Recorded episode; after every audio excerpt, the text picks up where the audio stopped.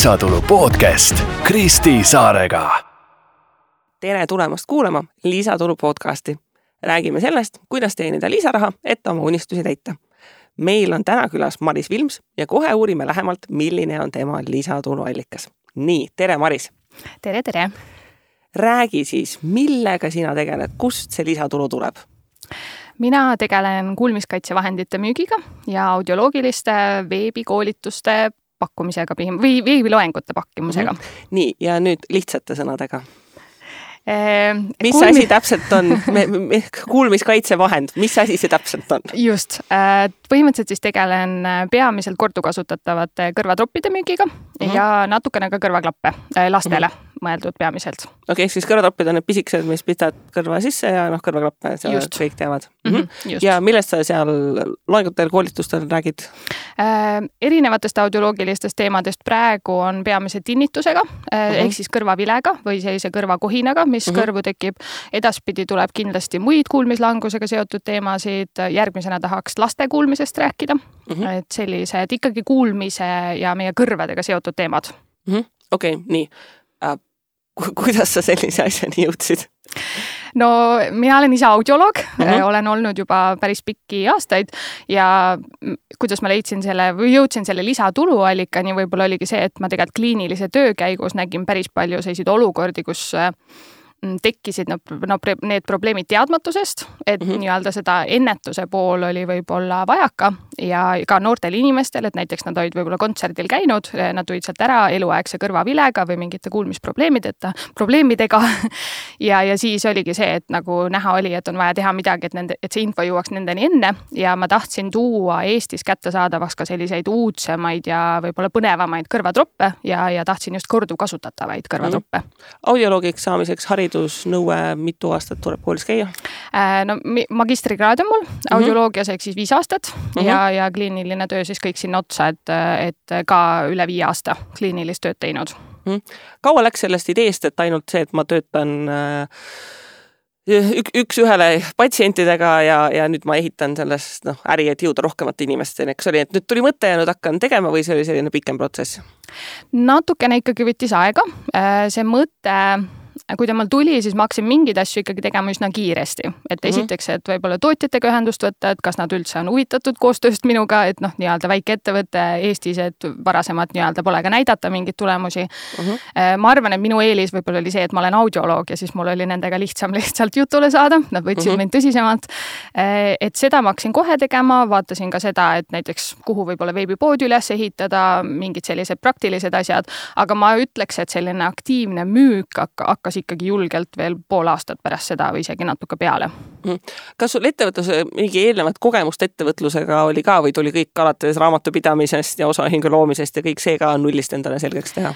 Tegelikult mitte, äh, sest see nagu juriidiline keha nii-öelda oli mul loodud varem juba, võib-olla mm. kolm aastat enne seda ja siis ma tegin puhtalt ainult äh, audioloogilised sellised koolitused, aga tervishoiutöötajatele, nii-öelda mm -hmm. teistele, kas arstidele, õdedele, kellele iganes.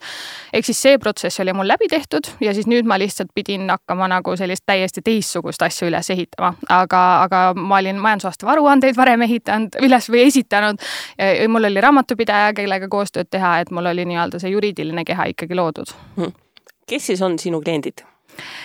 Neid päris erinev selline erinev grupp inimesi tegelikult, täiskasvanud inimesed, kes otsivad magamise jaoks kõrvatruppe, võib-olla nooremad inimesed, kes otsivadki meelelahutuse jaoks kõrvatruppe, igasuguses vanuses inimesed, kes, kellel on helitundlikkus, kes otsivad mingit lahendust, et, et selles osas noh, väga lapsevanemad, aga ja ka kindlasti ettevõtted, kes otsivad siis näiteks, et ma koha peale lähen koolitama sellise kuulmishoiu ja kuulmiskaitse võimaluste kohta mm. -hmm.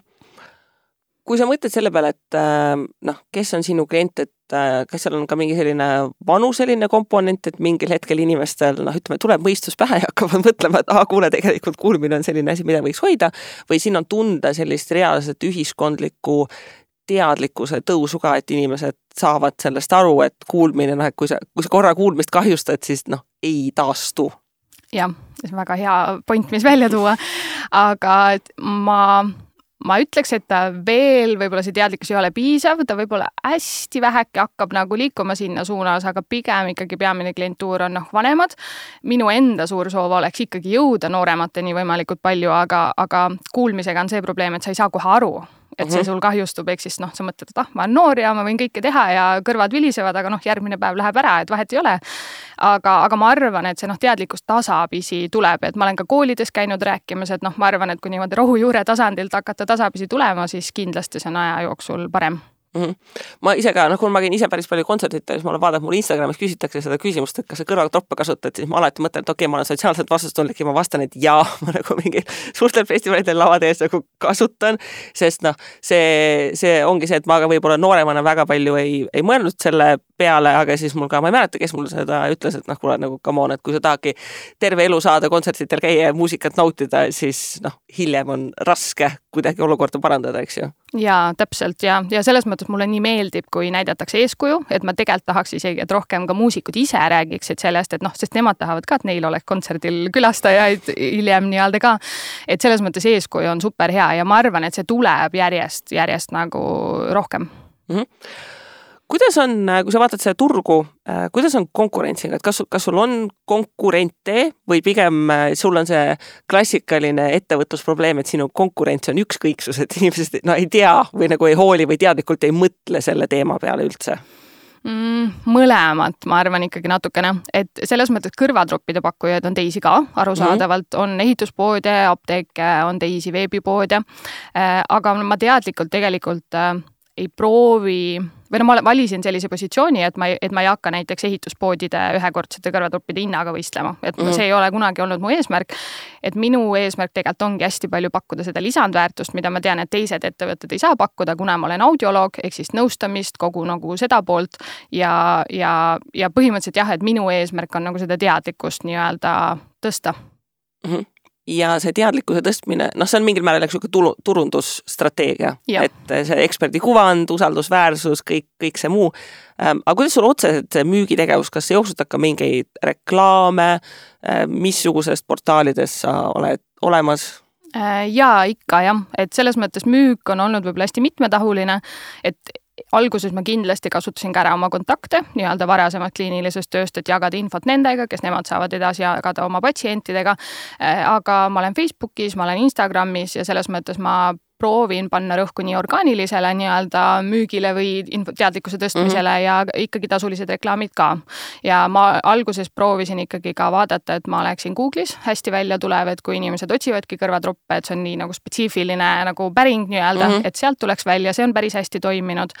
aga mul on ka see, et noh, kuna ma olen ikkagi hinges audioloog, et siis ma, mul on hästi raske teha sellist intensiivset äh, müüki lihtsalt nagu müügi pärast, see ei ole mul ära kadunud, et et ma, kui inimene ikkagi kirjutabki mulle näiteks, ütleb, et mul on selline probleem, milline toode mind aitaks ja kui ma näen, et minu valikus tegelikult ei aita teda, siis ma ütlengi lihtsalt, et ei, et seda nagu raha ei ole mõtet kulutada, et leida mingi muu variant.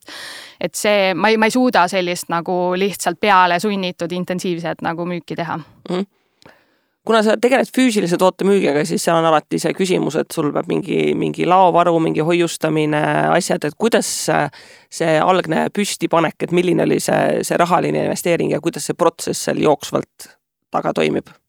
Äh, ja noh, rahaline pool, võib-olla kõige suurem kulu oligi tooted, sest ma tahtsingi, et sest noh, välismaalt mingeid tooteid ju saab ka osta, aga ma tahtsingi, et olekski see eelis, et sa saad, paned tellimuse sisse, sa saad mõne päeva pärast kätte äh, sellise hea lahenduse.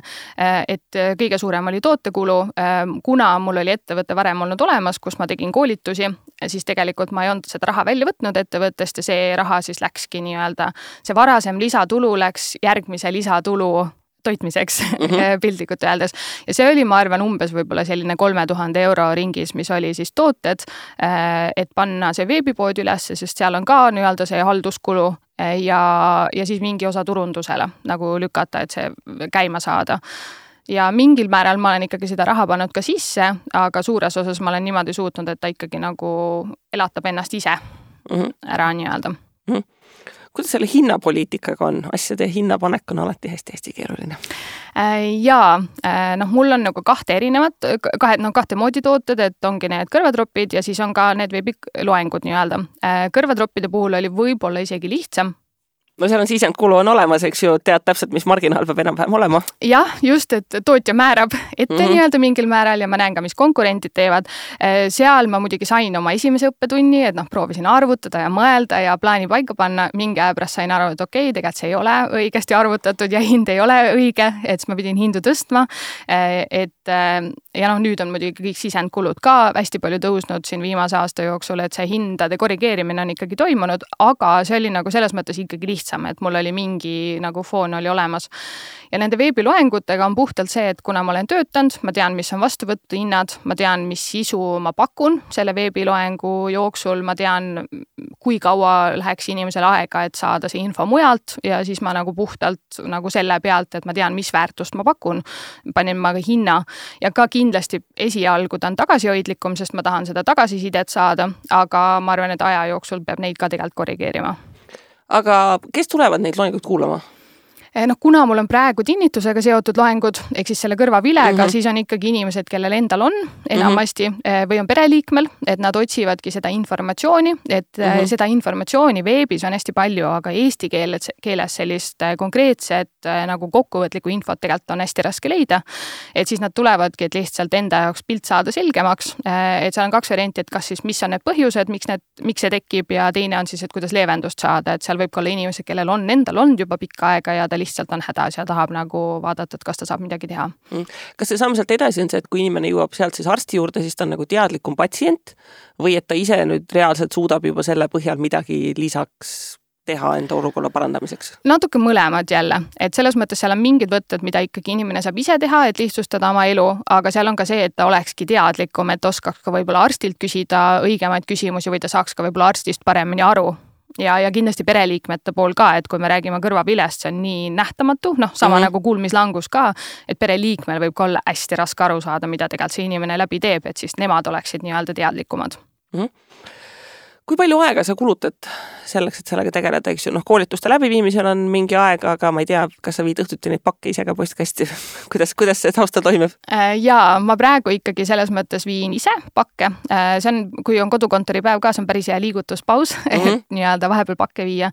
aga ma ütleks, et selline intensiivne töö on võib-olla seal sõltuvalt nädalast kaks kuni neli näd-, neli päeva äh, nädalas nii-öelda võib-olla sellist intensiivset tööd, aga ta on hästi erinev, et äh, neid asju sõidab ju kogu aeg sisse, tellimusi või mingeid asju. aga, aga no ikkagi on ja esialgu ikkagi tuleb neid nädalavahetuse tunde ja noh, et lihtsalt peab vaeva nägema, et see nagu läheks paremini toimima mm. -hmm. kas ja mida sa oled ära automatiseerinud, süstematiseerinud, et äh, eeldan, et protsessid lähevad aja jooksul efektiivsemaks? Äh, ja, ja ma proovisin, minul oli võib-olla see, et ma proovisin alguses liiga äh, kohe efektiivseks nagu teha. noh, veebipoega on lihtne selles mõttes, et on mm -hmm. nii palju portaale, mis teeb juba väga suure osa sinu eest ära, noh, pakke ma viin ise. aga ma proovisin ka igasugused seda meili poolt nagu võimalikult automaatseks teha ja seda infot anda. aga siis ma saingi aru, et näiteks tagasiside saamiseks ei tööta, et selle jaoks ma tegelikult nagu lõpetasin selle ära ja ma hakkasingi individuaalselt kõikidele klientidele ise kirjutama, et saada neilt tagasisidet mm, -hmm. et mhm. kuidas läheb ja see toimis nagu väga hästi, et, et nüüd ma olen seda teinud juba päris pikalt, et nüüd ma tunnen, et nüüd tahaks võib-olla vastupidi jälle tasapisi minna nagu automaatsemaks tagasi, et aga alustuseks mul oli oli nii oluline saada see pilt, et üldse, mida nad arvavad nagu sellest kõigest mm.. näed sa ennast kunagi, ma ei tea, palkamas assistenti, abilist, kes mingeid asju teeks või ei ole ambitsiooni nii suureks selle asjaga kasvada? ei, ma ei välista seda kindlasti, et äh, aga hetkel ma nagu ei näe, et mul ongi see, et mul on ema saanud vahepeal aidata, kui on vaja olnud nii-öelda pakkide saatmisega, et et selles mõttes mul on see abi olnud ja see raamatupidaja on mul ikkagi algusest olnud ka kõrval, et ma teen raamatupidamist küll suures osas ise, aga mu kohe oli kokkulepe, et ma tahan, et mul oleks tegelikult raamatupidaja olemas, ma saan talt küsida, tema saab mingid raskemad asjad ära teha, kui vaja, aga mhm. tegelikult noh, mulle endale meeldib, et mul on see ülevaade, mulle meeldib numbritega nokitseda tegelikult natukene, kui mul on aega. et siis on niimoodi selline vahe, vahelduv selline äh, töö mm. -hmm. mida sa enne ettevõtjaks hakkamist ise ettevõtlusest arvasid? Nägid sa ennast lapsena, oh, mina olen kunagi ettevõtja?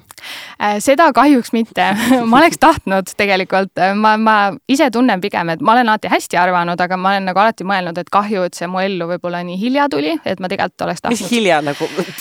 Noor no, inimene istub mul siin laua taga, hilja. noh, selles mõttes, et, et tegelikult oleks saanud nii palju asju mm. nagu varem ka võib-olla katsetada, proovida, et mingid õppetunnid varem saada, et ma olen alati olnud hästi aktiivne, ma olen alati teinud igast projekte kaasa, vabatahtlikku tööd, aga ma ei ole kunagi mõelnud selle pilguga, et noh, nagu lisatulu pilguga mm, -hmm. et, et ma oleks saanud palju energiat võib-olla ka noh, kasutada mingil muul moel ära. aga, aga ei, ma olen alati hästi arvanud ja selles mõttes mu ümber mm -hmm. inimesed ka et sõbrad ja tuttavad ja pere ei ole mingid noh, et nagu meditsiinispetsialist nagu tee oma lihtsalt spetsialisti tööd, et on siin nüüd vaja mingit ettevõtlusriski ja mingeid asju ette võtta äh,? otseselt mitte ja kõik on toetavad olnud, et, et seda ma kuulen hästi palju, et oh, et aga tegelikult su teadmisi on nii vaja ju nagu noh, arstikabinetis nii-öelda, et seda, seda ma saan sellest täitsa aru, aga noh, mu elu oli sellises kohas, et mul oli vaja lihtsalt teha mingi muutus. et siis ma arvan, et ma rakendan oma teadmisi nüüd teistmoodi ja tegelikult isegi jõuan võib-olla rohkemateni. ja ma tahtsin tahtsin just seda öelda, et noh, arstikabinetis sa oled paratamatult noh, üks inimene just. ja, ja tema pereliikmed see, et see teadlikkus noh, praegu kasvõi läbi selle lisatulu podcast'i mitmetele tuhandetele inimestele, et kuulge, et teie kuulab, kuulmine on mingi asi nagu, millele tuleb tähelepanu pöörata, et. Äh, ja, et ma ise naeran ka, et, et kui sa ütled, et sul on missioon, et indeksid seksikaks, et siis mul on see missioon, et kõrvatropid seksikaks noh, mõlemad on selline suhteliselt sarnase raskuste, raskustase. ja kerge ta ei ole. kerge, kerge, kerge ta ei ole, aga eesmärgid peavadki olema suured ja, ja lennukad ja ei, mis kõrvatropid seksikaks, mulle tegelikult väga meeldib, äh, et näiteks ka kõrvatroppide puhul minu meelest üha rohkem on hakatud disaini peale mõtlema, et kui ma ise käin Jaa. ka kontserditel, siis noh, Eestis ma seda väga ei ole näinud, ma olen harjunud välismaa festivalidel, et koha peal müüakse mm, -hmm. et Eestis seda on nagu vähe ja müüakse ja noh, nad ei ole kõik nagu alati sellised lihtsad ja igavad, vaid nad ongi nagu noh, visuaalselt ägedad, et sa mm -hmm. võidki osta midagi, mis sobibki sinu selle outfit'i, kostüümiga, millega iganes kokku ja see ongi selline noh, nagu stiili statement et ja. Eh, seesama, et kunagi vaata noh, kuulmisaparaadid olid nagu noh, see a la nahavärvi ja peidame nagu ära, eks ju. ja nüüd sa võid kasvõi nagu mingi läikiv punase osta, sest et see võibki olla nagu disainelement sinu välimuse juures põhimõtteliselt. ja täpselt ja, ja see mulle ka hästi meeldib, et mõned tootjad on teinud ikkagi nagu imetegusid selles osas, et seda stigmat vähendada, et see kõrvatropp ei ole häbiasi, vaid sa nagu uhkusega paned selle pigem kõrva, kui sa kontserdile lähed. see ei ole mingi, et noh, et nagu, et aa, et noh, et lähed kontserdile, siis paned nagu kõrvakrapid, et noh, nagu mm, -hmm. et, et sa ei naudi. ja noh, see on minu arust hästi huvitav, et äh, paljud inimesed ei registreeri seda ära, eriti suurtel festivalidel, kui sul on tropid kõrvas, äh, see heli kvaliteet on lihtsalt nii palju parem. et see heli on ka keeratud, ta on nagu nii üle keeratud selle arvestusega, et sul ongi tropid kõrvas ja kui sa tahad päriselt laulusõnu kuulda ja seda muusika selgust, siis see, see topeltkumamine, eriti kui on mingid väga suured festivalialad, eks ju, kus neid kõlareid on, on palju, siis sa päriselt noh, naudidki seda muusikat rohkem, kui need klapid kõrvas on. ja, ja, ja eriti, kui sul on õiged kõrvatropid, selles mõttes, et kõrvatroppi ongi, et kui sul on filtritega kontserdi jaoks kõrvatropid, siis see nagu noh, ma arvan, et inimesed ei tea, mis see kogemus on, enne kui nad proovivad tegelikult. jah ja. nii, aga kui sa nüüd oma selle teekonda mõtled, kas ta pigem oli selline konkreetne, hästi ette planeeritud ja läks täpselt nii, nagu sa arvasid, või ta pigem oli selline katse-eksitus ja tuli neid ämbreid ka natukene kolistada? Natuke mõlemat, ma arvan, ma olen alati olnud selline uurija, uudishimulik, lugeja, et ma olen nagu ettevalmistust ikkagi tegin, aga samas ma tagantjärgi mõtlen, et mingitesse asjadesse ma hüppasin täiesti pea ees tundmatusse vette. ja mul on hea meel, et ma seda tegin, et võib-olla kui ma oleks nagu liiga palju uurinud, siis ma olekski nagu mingi, ah ei, ma ei hakkagi nii-öelda seda tegema, et et selles mõttes kindlasti teekonnal tuli mingeid ootamatused, mis kujunesid võib-olla natuke raskemaks, aga, aga et seepärast jah, ma arvan, et on natuke mõlemat olnud ettevõtjate kohta üldiselt öeldaksegi, et kui sa alustades teaksid, oleks teadnud kõike seda, mis sa praegu tead, siis sa ei hakkaks mitte kunagi pihta, sest see on täiesti ebamõistlik plaan, eks ju. aga sa ütlesid, sa valmistusid ette, kas sa läbisid mingeid koolitusi, lugesid mõne raamatu, leidsid mingi mentori? Natuke kõike, et ma tegelikult läbisin ühe sellise päris põhjaliku ettevõtluse alustamise koolituse, ma olen päris palju mitmeid neid turunduskoolitusi läbinud, natukene raamatupidamist äh, lugenud olen kõvasti ja tegelikult olen ka paaris sellises väiksemas pundis olnud, kus on ka äh, naisettevõtjad nii-öelda, kes on ka mm -hmm. oma alg-, töö alg-, teekonna alguses nii-öelda, et nendega põrgatada ja rääkida nii-öelda ideid läbi mm. -hmm. kui sa siis nüüd tahaksid kokku võtta mõned olulised kaks-kolm õppetundi sellelt äh, teekonnalt, mida teistele edasi anda? Äh, võib-olla üks asi on see, mis on mulle nagu õpetanud, et tegelikult ma olen nagu suuteline nii palju rohkemaks, kui ma nagu võib-olla arvan igapäevaselt, et, et see on täiega kindlasti nagu nihutanud minu mingeid enda piire, mis on hästi äge. Äh, aga õppetundide mõttes võib-olla jah, see tegelikult klassikaline, et, et selline nagu kannatlikkus ja järjekindlus ja võib-olla eriti selles osas, et ma teen sellist veebipõhist äri, et ma hästi palju teengi sellist teadlikkuse tõstmist, sotsiaalmeediat, ma ei tea, blogiartikleid aga ma teen, mul ei ole seda inimkontakti nii palju, ehk siis vahepeal on selline tunne, nagu ma räägiks seinaga. et ma üksinda ei... viskad sotsiaalmeediasse neid postitusi ja asju välja ja. just, et ma nagu ei saa vahepeal üldse aru, et kes seda näeb, kas neil sellest kasu on, et noh, okei okay,, ma võin analüütikat vaadata, aga kes see nagu päriselt näeb seda ja, ja et, et selles mõttes äh, vahepeal on ikka selliseid käega löömise tundeid ka, aga ma arvan, et kui ongi näiteks, et keegi ütleb mulle, et ma, kuule, tead, ma nägin su seda postitust, issand, nii äge, nagu et ma ei mhm. teadnud või keegi annab veebiloengule mulle tagasisidet, et see oli nii kasulik, et siis mul jälle jälle löövad silmad särama ja tuleb selline nagu särts tagasi, et, et vahepeal jah, et on ikkagi selles mõttes nagu raskeid äh, aegu ka, et ma arvan, et see on selline õppetund, et lihtsalt peab nagu minema edasi. no see on selline suhteliselt universaalne elu õppetund ka, et äh, hullult lihtne on asju teha siis, kui nad on kõik lihtsad. ja, ja asjad päriselt noh, kasvavad suureks või saavad edukaks siis, kui sa teedki neid asju sellel hetkel, kui ei ole võib-olla nii lihtne, et võtad ennast lihtsalt kokku ja teed ära, oledki seal üksinda kodus ja nokitsed sotsiaalmeedia postitusi. jaa, just, ja noh, et mul peab, mul on see nagu suurem eesmärk, et siis seda ma hoiangi nagu meeles, et okei okay,, et nagu ma teen seda tegelikult selleks, et lihtsalt noh, ma tean, et kellegini see ikka jõuab, kellelgi on ikka sellest kasu nii-öelda, et selline suurem aga oled sa endale sõnastanud ka selle suure eesmärgi kuidagi ära?